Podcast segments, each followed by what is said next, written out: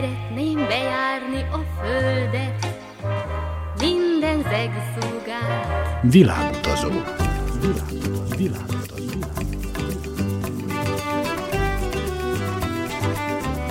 Barangoljon varázslatos tájokon az Újvidéki Rádióval. Kedves hallgatóink, Önök a Világutazó 196. műsorát hallgatják, a mikrofonnál Trifkovics Rita, a zenei szerkesztő Szikora Csaba. Ma befejezzük egyiptomi sorozatunkat. Az újvidéki olajos Teodóra mesél élményeiről, közben hagyományos egyiptomi zenét hallgatunk. Maradjanak velünk!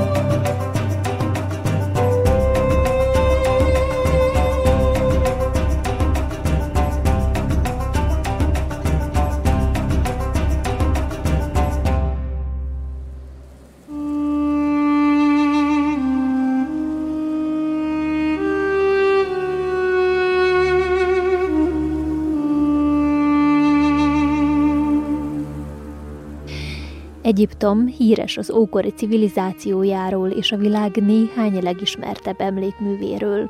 Bár a legtöbb turista a Nílus menti emlékművek miatt látogat Egyiptomba, az ország számos más látványosságot is nyújt. A Vörös-tenger partja mentén rengeteg a búvárkodási lehetőség, de a sivatagi részeken a látogatók izgalmas tevegelésen is részt vehetnek, akár távoli oázisokig, akár kopt kolostorokig. Az újvidéki olajos Teodóra egyik kirándulása során egy beduin faluba látogatott, ahol betekintést nyert a sivatagi népek életébe, szokásaiba.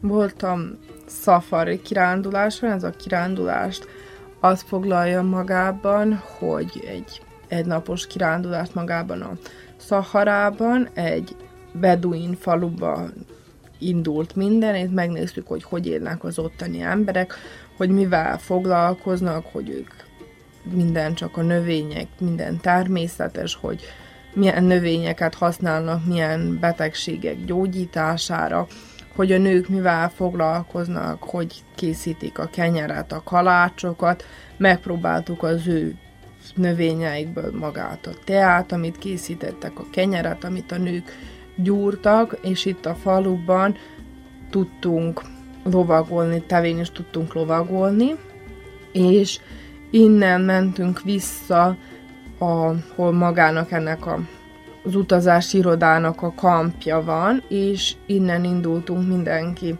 kapott egy kvaddot, amivel egymás után mentünk, és milyen este felé indultunk, úgyhogy mikor elindultunk, akkor még nappal volt, mire visszajöttünk, akkor már sötét volt, úgyhogy láttuk a nappal is, meg este is magát a sivatagot.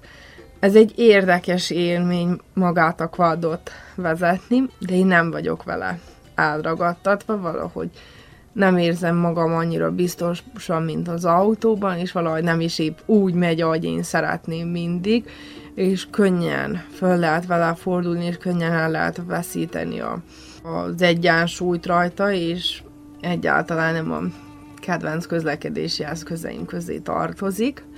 De maga a kirándulás nagyon szép volt, és a végén volt a az esti program, ahol láthattuk, hogy az egyiptomiak hogy buliznak, hogy mindenki leült asztal nélkül, hanem mindenki leült így a földre párnára, és akkor mi nézzük lentről a programot, mi ülünk lent, és akkor fönt van a program, vacsorával együtt, és akkor itt volt ez a fakírsó, hastáncosok, az ő néptáncuk, és ez volt a programnak a vége. És ez a Beduin falu. Valóban vannak még ilyen falvak a sivatagok területén? Igen. Így élnek? Ez a falu, amelyikben voltunk, ez egy kicsit modernabb Beduin falu, ők berázték a turistákat, ők ebből egy kicsit keresnek, és gondolom egy kicsit azt mondták, hogy minden turistának, aki eljön, az egy százalék, amit a kirándulásra fizet, az a Beduin falunak megy, és ők ebből egy kicsit keresnek is, de azt mondták, mert a Beduin falu attól a helytől, ahol az utazási irodának a kampja van, fél óra autókázásra van, úgyhogy tényleg bent van a sivatagban, de azt mondták, hogy ha most még egy tíz percet tovább mennénk, akkor ott van még egy Beduin falu, de ez a Beduin falu nem enged be senkit, és ők teljesen kikülönültek a világtól, és továbbra is azokat a szabályokat folytatják, amik régen voltak, ez ahol mi voltunk, mondom, ez egy kicsit már modernabb, és egy kicsit követik a tradíciót és a világot, hogy a 21. században vannak, és egy kicsit modernizálták magukat. És hogy élnek? Tehát teljesen elszigetelődnek, önfenntartóak, miből élnek? Hát ők mindent maguk készítenek elő, vannak nekik állataik, mindent, amit esznek, növényi állati eredetű, nem szednek gyógyszereket, csak növényeket használnak. És ha valaki lebetegszik? Hát a növényekkel gyógyítják. Gyógyít. Uh-huh. És hol laknak? Ilyen különböző kis sátorokban. A beduinok, vagyis fordításban a puszták lakói, a közel-kelet és Észak-Afrika területén élő nomád arabok. Hagyományosan állattenyésztésből élnek, törzsi csoportokban, akik egyik helyről a másikra vándorolnak. A beduinok sok helyen a perzselő nyáron az itatóhelyek környékén tanyáznak. Az ősztől, ahogy az első záporok nyomán zsendülni kezd a fű, kisebb csoportokban járják a legelőket. Az állataik víz és táplálék igénye alapján mozognak. Nyájaik szolgáltatnak nekik táplálékot tejtermékek és hús formájában. A nomád beduinak száma évtizedek óta erősen csökken. Mára már a nagy részük felhagyott ezzel a nomád és törzsi életformával, és letelepettek. A közel-keleten ma már csak körülbelül 5%-uk folytat nomád életformát, ugyanakkor a tradicionális kultúrájukat, mint a zene, a tánc vagy a költészet megőrizték.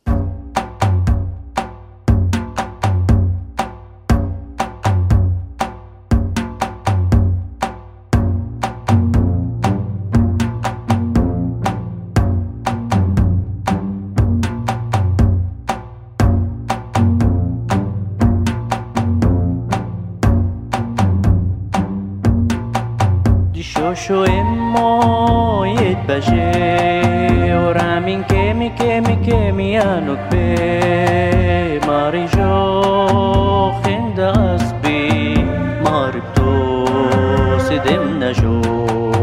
شو شو امو يتبجي ورامين كيمي كيمي كيمي يانوك بي ماري جو خند أصبي سدم نجو بسياروف بوت خن باسنوف خن بف مؤودي اياي اونا من ردي امو يني انا وباينشتي انساي بسياروف بوت خن باسنوف خن بف مؤودي اياي اونا من ردي امو يني babae neşteyi insay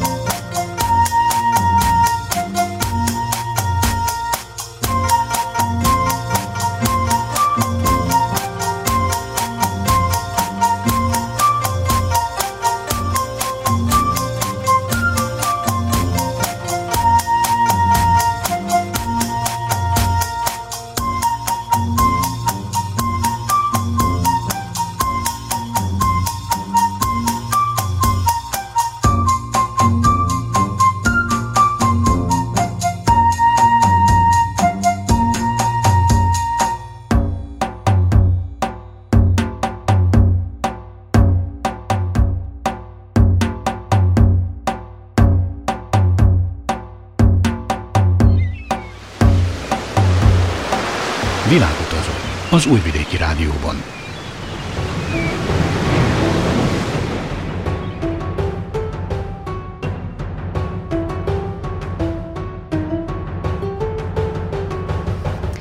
Egyiptom Észak-Afrika szubtrópusi övezetében fekszik, az éghajlata rendkívül száraz, sivatagi, enyhe téllel és forró nyárral.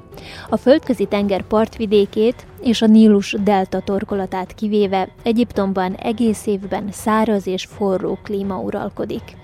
Egyiptomban három évszakot lehet megkülönböztetni. A telet, amely november 15-től március 15-ig tart, az úgynevezett első nyarat, március 15-től július közepéig, és a második nyarat, amely július közepétől november 15-ig tart. Az egyiptomi utazásra a tél a legalkalmasabb időpont, amikor a nagy melegek még elviselhetőek, és nincs akkora hőség és szárasság. Az első nyár idején a hőmérséklet még mindig elviselhető, ezért ajánlott július közepéig Egyiptomba látogatni. A legforróbb évszak a második nyár, ekkor csupán az igazán nagy hőséget kedvelőknek ajánlatos az országba utazni. A legoptimálisabb időpont a látványosságok felkeresésére az október-április közötti időszak, amikor a napi átlaghőmérséklet Kairóban 24 Celsius fok körül alakul, a Vörös-tenger vízhőmérséklete pedig 23 Celsius fok körül mozog.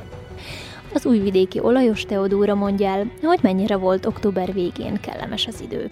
Elég meleg van, ilyen, mikor a sivatagban vagy, ott le tud hűlni a levegő. Nem aludtam ott, de azt hallottam, hogy eléggé lehűl, ők meg nem tudnak angolul, úgyhogy őket direkt nem tudom megkérdezni, én csak azt tudom mondani, amit nekem az útvezető mesélt, úgyhogy direkt információt nem kaptam valakitől, aki tényleg minden este ott van, hogy milyen érzés, de magában Egyiptomban az éghajlat nagyon meleg és száraz, évente, ha van egy hét esős, az a maximum, hogyha hét napot esik 365 napban. Tehát te októberben voltál, akkor milyen volt az időjárás? Szerintem októberben az ideális, ami a nyaralást illeti, hogy akkor lehet sétálni is, hogy nem őrült meleg van. 35-40 fok között volt a, abban az időben a, a hőmérséklet. Este ment le, 29 volt a minimum, ameddig ott voltunk.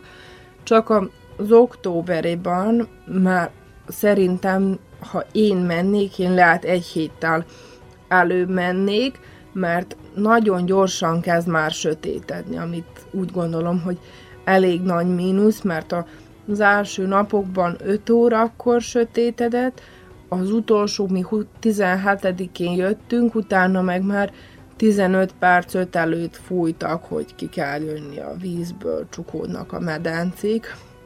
Úgyhogy szerintem ez lehet a legnagyobb problémája a késői nyaralásnak, október vége, november eleje, a hőmérséklet nem, egyáltalán nem fog valaki fázni, de hogy korán lesz sötét, főleg ha valami fiatalokról van szó, akik este egy kicsit le is ülnének, megisznak valamit, és nem a korán kelők közé tartoznak. Aki hétkor fölébred, annak négyig, ötig már úgyis fárad, de valaki, aki tízkor kell föl, annak az öt még korán van, hogy befejeződjön a nap.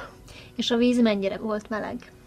A víz nagyon meleg volt, tényleg nagyon meleg volt, és abban nem volt semmi gond, ideális volt a fürdésre.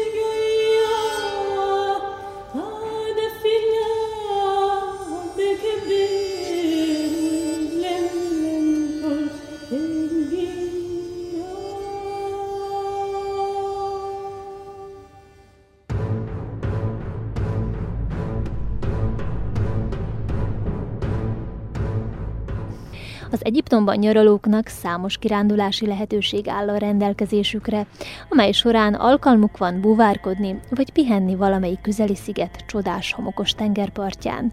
Teodóra mesél élményeiről. Ez a kirándulás még amelyeken voltunk, erre is hajóval lehetett elmenni.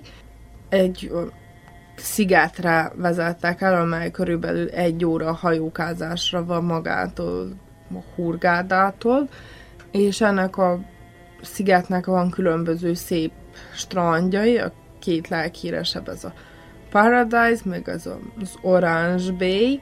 Mi a Paradise-t választottuk, és nem csalódtunk egyáltalán, tényleg gyönyörű a tenger, nem hiába mondják, úgy is hívják, hogy egyiptomi Maldívok, nagyon-nagyon szép, és lehet úszni is, láttunk delfineket is körülötte, úgyhogy tényleg gyönyörű, és mindenkinek ajánlanám. تبقى معدية لا لا سلمش علي لا عيني في عينيه لا لا وعناها في عيني لا عيني في عينيه لا لا وعناها في عيني ينفع كده طب يرضيكوا كده طب ينفع كده طب يرضيكوا كده لا تلبس ضيق لا لا وأنا ركبت زي لا تلبس ضيق لا لا وأنا ركبت زي لا مش قادر امشي لا لا واصحابي تتريق لا مش قادر امشي لا لا واصحابي تتريق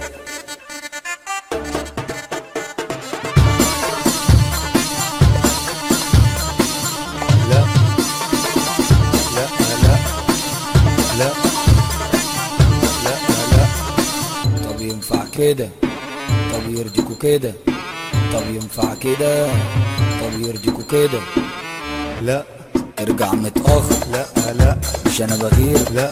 تسهر وتزيد. لا لا. وسط الفرافير. لا. مش بترد. لا لا. وبتنفضني لا. بتشوح لي. لا لا. وبتشرد. طب ينفع كده. طب يرضيكوا كده. طب ينفع كده. طب يرضيكوا كده. Világutazó. Az Újvidéki Rádióban.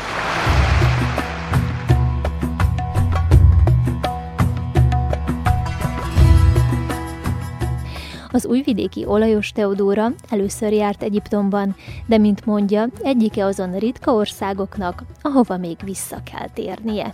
Igen, visszamennék persze, és nagyon tetszett, mindenkinek ajánlanám.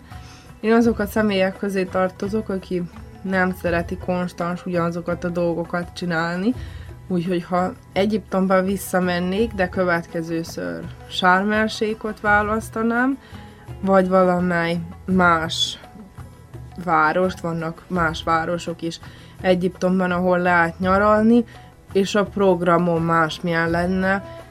Azért szeretnék visszamenni, mert Luxort is meg szeretném tekinteni, és valamely más pontokat is magának Egyiptomnak, mert nem csak Hurgáda és Kairó teszik Egyiptomot.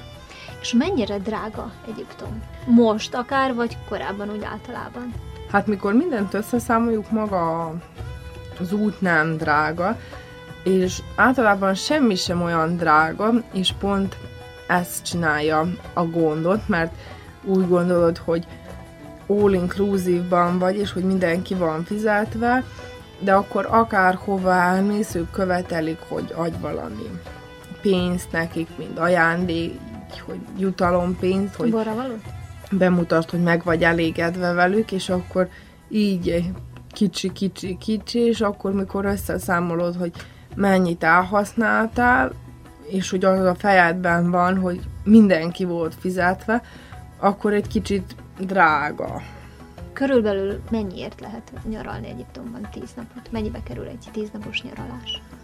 Hát egy átlagos szállodában, most nem fogok beszélni a legluxusabbakról, egy átlagos nyaralás 500 euró körül van, repülőjeggyel, szállással is all inclusive étkezés, hogy minden bele van enni, inni, amennyit akar az ember.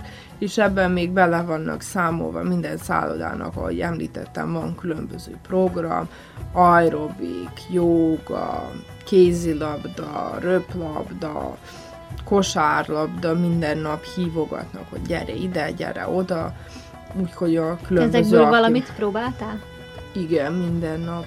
Röplabdáztunk, aerobik, akvarobik, úgyhogy éltünk a lehetőséggel.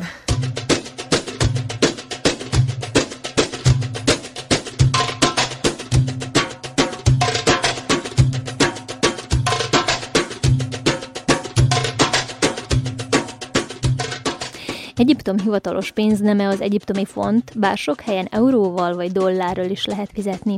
Ami első hallásra jól hangzik, bár ahogy az újvidéki olajos Teodóra elmondja, nem mindig kedvező az árfolyam. Igazából mi mindent euróban fizettünk, úgyhogy ők minden, minden pénzt elfogadnak, és mi hallottunk, ismerőseink voltak, akik előbb mentek, és hallottuk, hogy ők ugyanúgy számolják az eurót is, és a dollárt is, és hogy nekik, ha valami 30 euró, az 30 dollár is, nálunk meg az nem egy és ugyanaz, úgyhogy mi dollárt váltottunk be, és akkor jobban jártunk, mint azok, akik euróért vették, mert mondjuk valaki ugyanazt, amit én 30 dollárért vettem, az 30 euróért vette, a dollár meg. 30 dollár meg kevesebb, mint 3000 dinára, 30 euró meg jóval több, mint 3000 dinár. Ezt jó tudni. Van esetleg még valamilyen hasznos tipp tanács az Egyiptomba utazóknak? Hát általában mindenki attól fél, amit én a saját tapasztalatomból mondom, mindenki a hasi problémáktól fél Egyiptomban. Én nem féltem egyáltalán, és nem is gondolkodtam erről, egyedül csak arra figyeljen mindenki oda, hogy ez mind a víztől jön, és nem a kajától, és hogy csak akár mennyire szomjas valaki, és akár mit, csak ne te, akár mennyire meleg van, csak ne jeget a szörben, és semmi nem lesz gond, mert a jeget, amit használnak, az a csapvízből jön, és akár mennyire mínusz 100 fokon van az a jég a mélyhűtőben, úgy látszik, hogy olyanok a mikroorganizmusok, amelyek magában a vízben vannak, hogy túlélik azt a fagyást, hogy valahogy átélik, és mikor kiolvad a jég, az a jég megy bele a vízbe, és ez okozza magát a problémát, és nem akarja. És ha ezt valaki a fejébe teszi, hogy mindent lehet, csak jég nélkül, akkor nem lesz semmilyen gond. És a koktélok esetében gondolom, hogy mindenbe tesznek jeget, nem? Csak azt mondani, hogy jég nélkül, én nekem mikor jeget raktak, visszaadtam, és mondtam, hogy jég nélkül, és ha valaki megmondja, akkor nincs gond.